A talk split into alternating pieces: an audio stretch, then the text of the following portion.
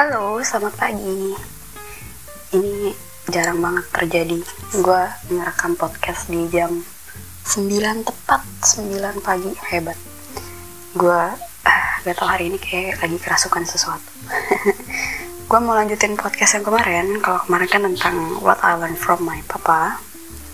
Hari ini gue mau uh, bahas what I learned from my mama. Kalau dari nyokap gue, itu sebenarnya Hmm, kalau kata beberapa orang yang udah kenal keluarga gue atau um, kayak baru papasan gitu ya ketemu masa gue gija sama nyokap gue itu pasti bakal bilang wah mirip banget ya kayak kayak apa ya 11-12 gitu loh kayak anak kembar. Karena memang hampir bisa dibilang gue kayak duplikatnya sih dari cara jalan cara ngomong terus gak tau lagi deh. Tapi kalau menurut orang gue kayak jiplakannya banget gitu. Nah apa sih yang gue pelajarin dari nyokap gue nyokap gue itu uh, kalau apa yang gue pelajarin dari apa yang gue lihat ya nyokap gue itu orangnya serba bisa. Uh, gue lumayan deket sama mamanya mama gue alias nenek gue emak gue manggilnya emak. Uh, emak itu ngajarin banyak hal yang positif ke nyokap gue yang pasti jadi nyokap gue tuh selalu ngomong gini cewek itu mau lu udah berkeluarga kah atau lu belum berkeluarga itu harus punya penghasilan sendiri.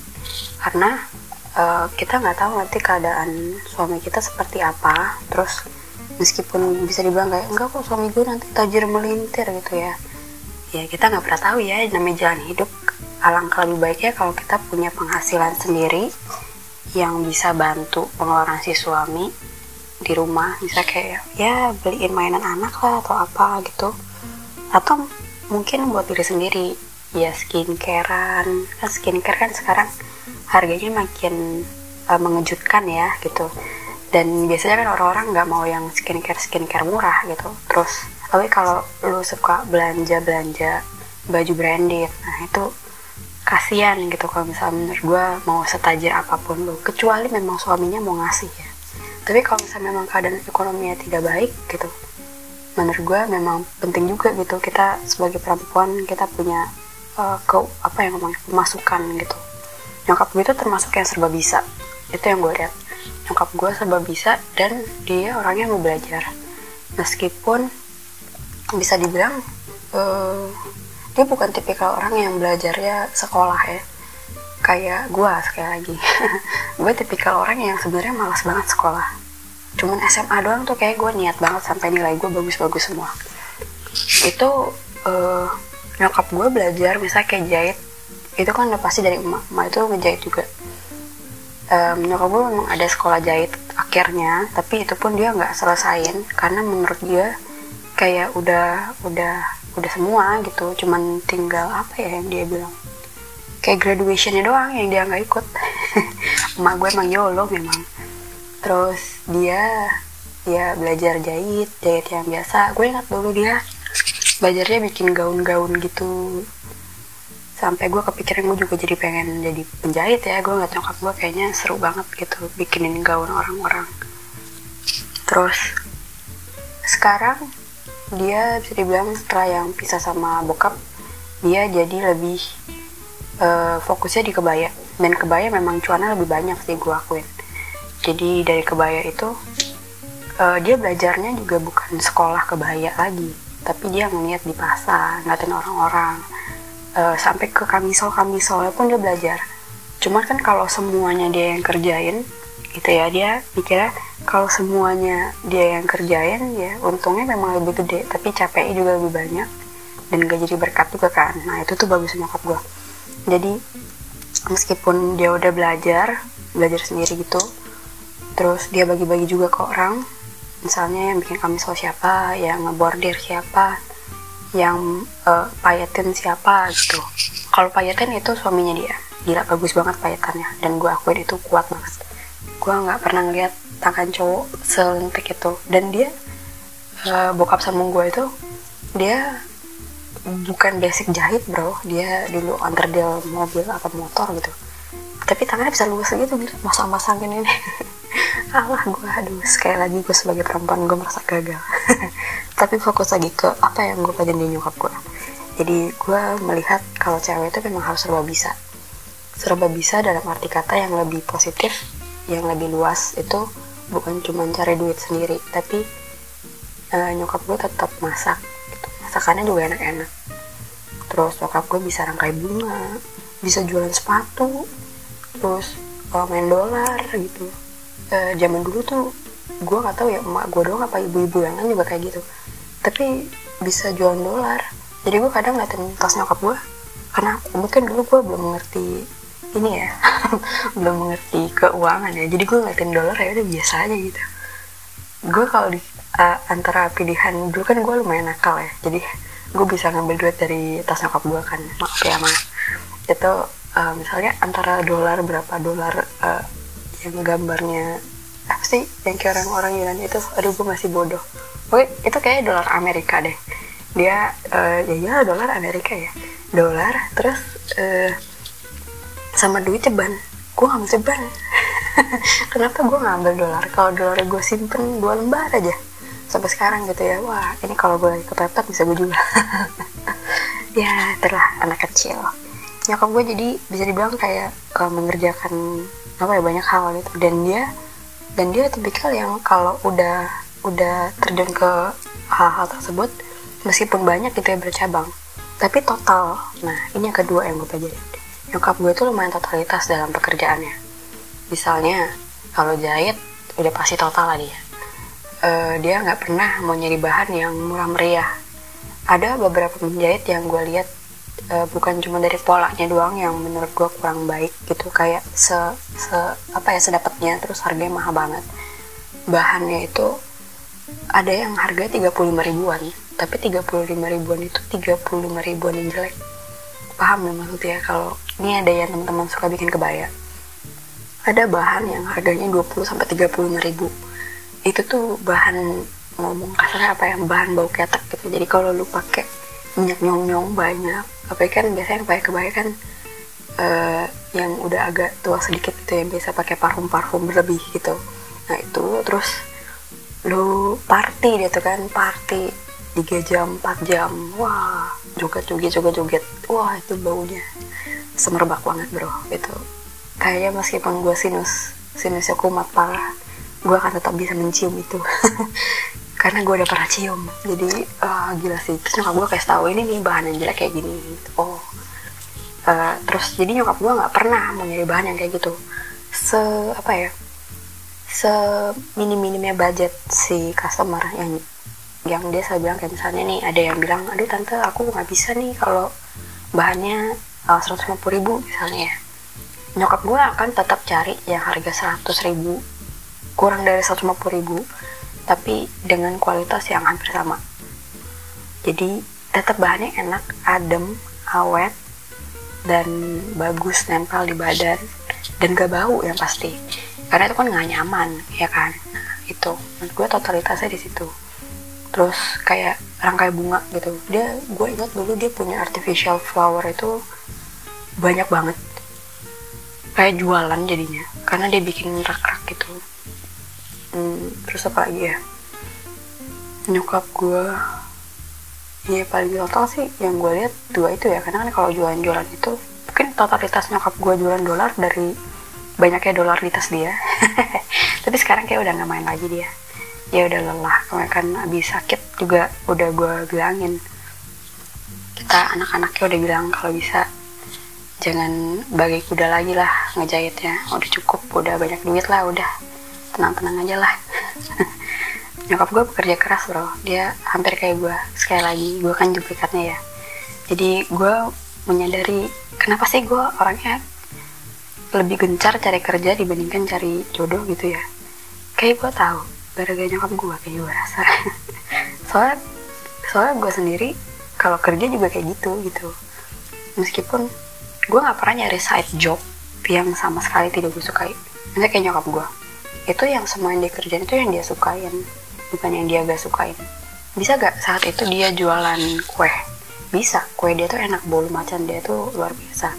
Gue belum pernah makan bolu seenak yang dia yang dia bisikin eh bisikin dia yang masakin bisikin. Halu pagi-pagi. Uh, gue nggak pernah makan makanan kayak apa yang dia bikin yang enak ya. Eh, eh, eh, eh. oh nyokap gue tuh bisa bikin makanan yang B aja. Kornet sama kentang dibikin sama dia enak banget no micin micinnya dikit banget mungkin. Tapi enak aja gitu.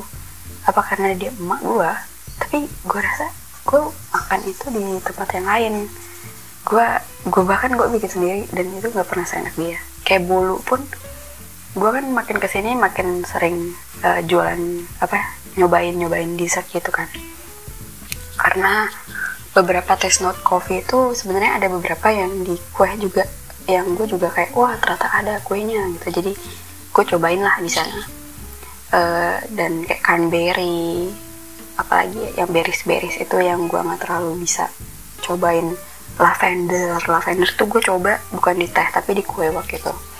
Jadi sejak itu gue sering lihat ada yang jualan bolu-bolu bolu macan kah atau bolu apa yang ngomongnya marmer ya kalau yang gaulnya. Bolu marmer dan gue nggak pernah coba yang seenak nyokap gue nyokap gue bikin itu kayak enak gitu loh uh, ada apa ya? Ada bau-bau sedapnya gitu itulah keunikan emak gue ya.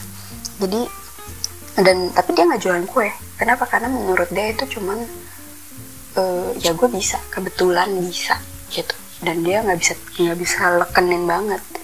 Tapi kalau bagi-bagi ke tetangga iya. Dia hobi bagi-bagi memang. Tapi kalau misalnya dia jual enggak sama kayak gue gue bisa uh, apa ya yang gue bisa aja gue bisa bikin apa ya kayak dessert itu. Sebenernya gue bisa tuh bikin cake pops gitu karena ponakan gue dulu kan aku kan uh, ii yang kekurangan uang ya jadi gue nggak bisa beliin makan apa mainan-mainan. Sebenarnya bisa beliin mainan cuman gue tuh tipikal orang yang udah punya mindset kalau nggak guna kenapa dibeli gitu dan menurut gue mainan anak kecil beberapa itu ada yang sebenarnya cuma bisa dimainin nggak nyampe satu tahun. Jadinya sayang kan dan rata-rata mainannya plastik. Jadi kan gimana gitu gue ngeliatnya jadi berat gitu. Itu yang bikin gue sebenarnya berat banget beliin mainan buat ponakan-ponakan gue gue sekali gue beli itu waktu itu kayak beli apa ya? Kayak ketapel gitu kalau nggak salah. Beli ketapel. Uh, bukan ketapel tapi apa ya? Kayak itu loh yang zaman dulu. Pokoknya kalau di perang-perang Yunani Yunani itu ada yang isinya batu gede terus diprotarin nah itu. Itu gue beli juga karena itu DIY jadi uh, Nolan itu kan termasuk yang suka uh, ngegeratak gitu ya. Kayak tangannya nggak bisa diem. Jadi gue mikir kayak wah kenapa dia nggak sekalian belajar aja dia bikin ginian. Tadinya gue mau beli yang gunung merapi yang bisa muncrat-muncrat itu. Tapi kayak berbahaya ya. Jadi tapi kayak lebih berbahaya ketapel itu ya kayaknya. Tapi seru. Maksudnya gue ngeliatinnya juga seru. Gue sih kayaknya yang suka bukan dia yang suka. Tapi sekarang kayak gue udah tau gue mau dia apa. Sesuatu yang DIY juga. Dia pasti happy. Dia tuh suka gambar soalnya. Good. Nah kayak misalnya kayak gambar tuh. Gue juga bisa gambar tapi gue tidak tidak ingin menjadikan itu bisnis karena entahlah gue nggak terlalu suka. Karena gue tau gue nggak akan bisa totalitas di sana juga gitu fokus gitu. Nyokap gue tuh termasuk lumayan fokus kalau untuk hal yang kayak gitu-gitu. Terus nyokap gue rajin menabung. Wah itu menabungnya dewa lah dia. Gue belum gue belum pernah dengar orang yang bisa beli rumah tiga dari hasil nabung kecuali nyokap gue biasanya kalau zaman sekarang kita dengarnya punya rumah banyak atau punya rumah itu hasil cicilan ya kan. Ini gue uh, no offense ya bukan yang berarti cicilan itu buruk enggak. Maksud gue nyokap gue tuh sangat memakai prinsip itu gitu. Kalau lo mau beli barang kalau belum ada duitnya ya jangan beli. Iya kalau lo memang pengen banget itu tabung gitu. Nah dia yang tipikal yang kayak gitu. Dia tabung sampai dapat barangnya gitu. Terus dia juga punya pola hidup yang cukup sederhana juga sih. Jadi menurut gue dia jadi lumayan bisa nabung banyak ya karena itu juga. Karena uh, dia tuh hidupnya nggak neko-neko lah meskipun dia banyak duit. Tapi nggak yang kayak uh, makan fancy gitu. Enggak nyokap gue tipikal uh, anak apa ya ngomong amigos. Kami pecinta amigos apalagi deket Romang amigos itu agak minggir got sedikit. Jadi ada tempat puyung high enak tuh deket deket got situ. Tapi kotor ya. Lo kalau mau makannya kayak gitu harus bener-bener ngeliatin tempatnya uh, cukup aman untuk dikonsumsi atau enggak sih. Terus nyokap gue cukup memberikan influence gue untuk belajar musik karena kata dia kalau lu lagi stres lagi sedih lagi uh, apa ya galau atau lagi happy minimal ada musik yang bisa temenin gitu kata dia. Dan itu yang bikin gue mau belajar gitar sih. Karena nyokap gue ngomong kayak gitu dan benar loh waktu gue ngekos gitar pertama gue waktu itu uh, eh, gue beli gitar pas lagi diskonan happy banget gue dapet dari duit angpau gue terus gue galau gue lagi apa terus main gitar terus gue langsung mikir gila benar juga ya kata nyokap gue kayak lebih apa ya lebih enak gitu loh bawaan hati. Kayak lebih nyaman jadinya. Kayak ada tanda kutip pelariannya gitu. Untung gue dengerin mak gue terus ini yang paling penting ini yang sangat gue rasakan. Gue itu termasuk orang Cina campur Betawi. Nyokap gue itu Betawi Cina. Bokap gue itu Betawi bang eh Cina Bangka. Nah gue punya beberapa temen tuh yang lumayan rasis. Dan gue selalu bertanya-tanya kenapa ya gue tidak serasis itu? Tapi gue risih kalau sama biasanya nih maaf kata biasanya tuh sama uh, pria yang memang beda rasnya. Terus dia suka genit-genit gitu loh di jalanan. Suka emang manggil atau misal kalau gue gua gue diemin dia bakal kayak ngomongnya sombong banget jadi cewek so cakep banget nih. Lah lu nggak kenal nggak apa masa gue iyain?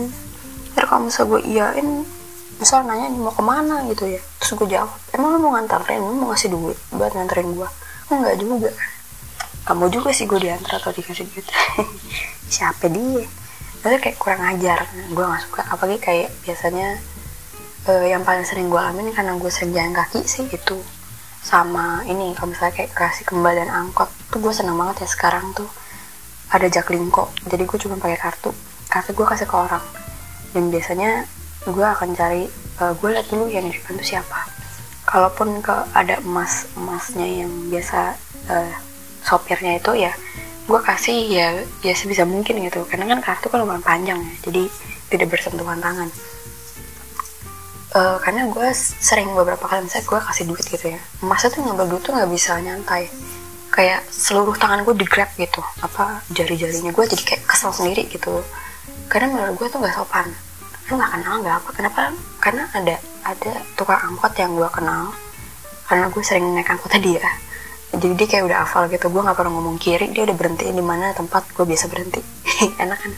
Nah itu dia biasanya minta pakai tangan yang ngasih minta gitu gimana sih jadi gue juga kasihnya dia juga nggak nggak nggak menerkam tangan gue juga gitu. Dia kayak ya udah sopan gitu loh sopan santun aja.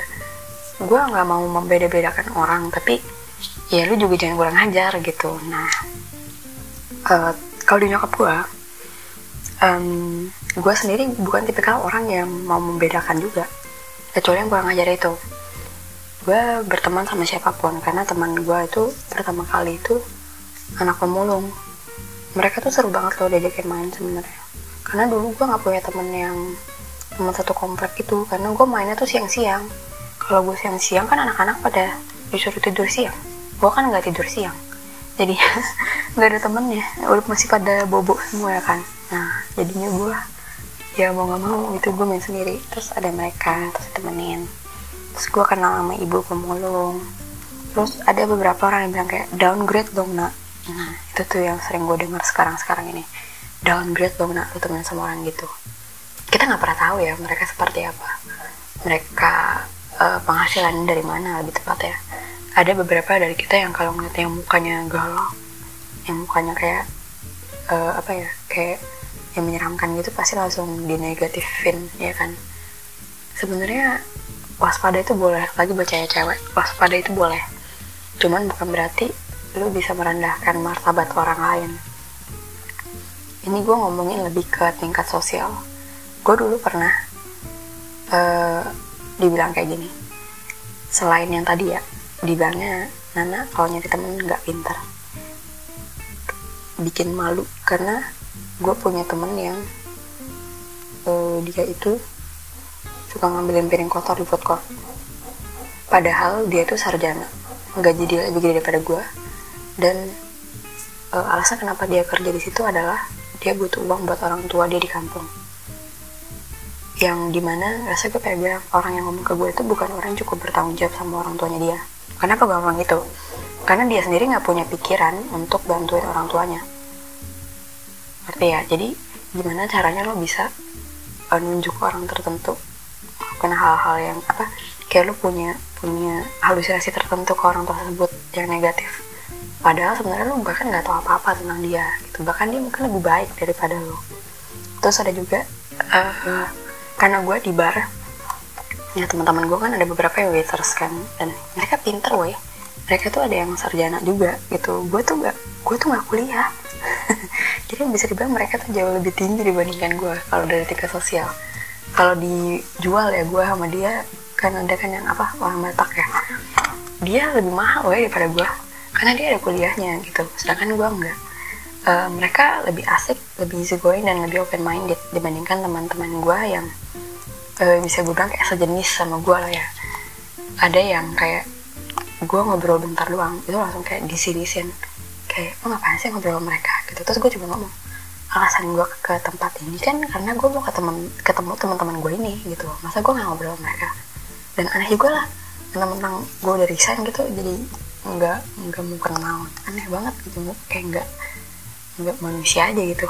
Nah kayak gitu gitu. Jadi dan gue belajar menghargai dia, uh, orang lain itu dari nyokap gue lewat gimana dia mengizinkan gue untuk berteman dengan anak-anak pemulung itu waktu gue masih kecil. Terus dia juga kenalin gue beberapa orang yang memang uh, berbeda juga gitu. Dia menunjukkan gue banyak banyak tipikal orang yang gue belum pernah ketemuin. Dulu tuh gue sering lari pagi sama nyokap gue di ngomongnya apa ya? Lapangan banteng pacuan kuda. Pokoknya yang kayak gitu-gitu. Di Rawamangun atau di mana gitu gue lupa. Nah itu setiap uh, lari gitu gue tuh nungguin nyokap gue kadang. Dan gue ngeliat gimana cara dia bisa bergaul sama orang lain. Terus gue dikenalin juga atau ada beberapa yang kita hari bareng terus bisa ngobrol sama orang lain. Gue kayak wah gila gila. Ini kayak gue keluar dari dunia gue karena kalau lo masuk ke daerah uh, tempat gue tinggal ya itu bisa dibilang kayak lu bakal jadi orang yang males banget keluar. Keluar dari zona nyaman ini gitu. Karena di tempat gue itu hampir semuanya tersedia terus orang-orangnya beda dari yang lain gitu. Sedangkan gue tipikal adventure kan jadi ya gue bersyukur aja gitu gue diperkenalkan dengan banyak orang sama klub gue dan gue memperkenalkan uh, cowok pun gitu gue ada beberapa kali pacaran sama yang beda ras dan yang jadi concern nyokap gue itu bukan itu. Nyokap gue tuh lebih concern ke bagaimana dia bisa menyayangi gue bertanggung jawab gak sama keluarga. Terus apa ya uh, punya masa depan gak punya masa depan gak itu maksudnya bukan saat itu dia kerjanya apa gitu enggak. Tapi orang yang mikir gak gitu loh ke depan tuh mau jadi apa punya future punya punya visi dan misi gitu. Dan itu yang jadi apa ya jadi salah satu uh, acuan gue untuk punya pasangan. Gue nyari orang yang punya visi orang yang nggak kelemak kelemek. Karena gue bukan bukan orang yang bisa sesabar itu. Tapi belajar sabar. Tapi misalnya kelemak kelemek itu yang kayak terlalu lambat gitu untuk mencari keputusan atau orang yang pikirannya mentok-mentok aja. Orang yang tidak inovatif gitu gue kurang bisa sih. Karena gue bisa emosi kayaknya karena itu gue bisa gue akan menjauhi orang kayak gitu sih. Maksudnya bukan dijauhin musuhnya tapi maksudnya uh, gue kayak cukup tahu aja lah cukup tahu aja lah. Gitu terus itu sih yang nyokap gue pelajarin. Yang gue pelajarin ke nyokap gue eh dari nyokap gue gitu. Jadi semoga dari podcast ini kayaknya gue cuma bikin tentang ini dua ini aja tentang bokap dan nyokap gue aja. Jadi semoga dari podcast ini teman-teman yang uh, negatif thinking ke orang tuanya jangan negatif lagi karena selalu ada yang positif cari yang positif positifnya aja. Karena baik buruknya mereka orang tua kita juga. Mungkin kalau ngomong segi bisnisnya kayak profitnya apa gitu ya. Profitnya mungkin nggak dialamin sekarang. Gue sendiri sadarnya bukan waktu itu dia ngomong. Tapi setelah beberapa tahun kadang atau beberapa hari atau saat itu juga tergantung momennya lagi apa. Dan itu bisa ke yang penting jangan deny terus kita mau belajar. Dengerin aja meskipun memang rese sih kadang-kadang. Tapi kalau misalnya memang nggak benar yang bikin kita jadi merasa jadi makin insecure ya lebih baik. Kalau gue biasanya gue akan cari pendapat orang lain juga. Orang lainnya itu uh, bisa cici gue teman dekat gue atau orang-orang kerja bareng gue yang yang tahu yang tahu jelek-jeleknya gue lah. Bukan orang yang baik-baik gue baik-baikin ya. Uh, gue juga jarang sih baik-baikin orang. Gue mulutnya cepat ceplos kan ya gue rata-rata nyari pendapat lain dulu gitu. Dan kalau menurut gue kayak oh ya memang benar nih. Benar adanya. Ya udah berusaha buat lebih baik lah gitu. Kenapa enggak? Udah begitu aja podcast saya paling semoga ini bisa membantu teman-teman juga Terima kasih banyak sudah mendengarkan. Tuhan Yesus memberkati. Sampai jumpa.